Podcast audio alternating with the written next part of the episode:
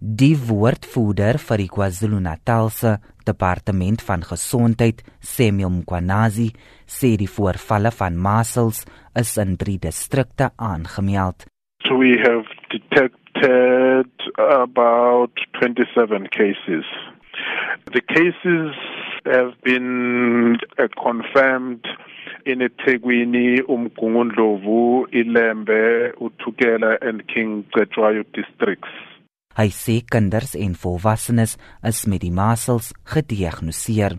Well, it ranges from an infant of 6 months old to a 52-year-old person.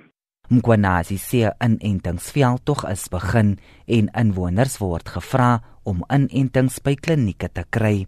To ensure that this does not result to a possible outbreak is to provide communities with information and call upon parents and guardians that they must ensure that their children complete vaccination schedules.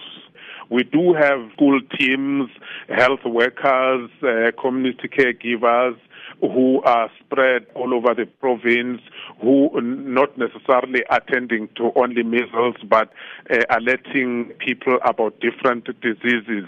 But this will now form a part of this. Dit was Samuel Mkwanazi, die woordvoerder vir die KwaZulu-Natalse Departement van Gesondheid, Jean S. Reisen, SAICanis.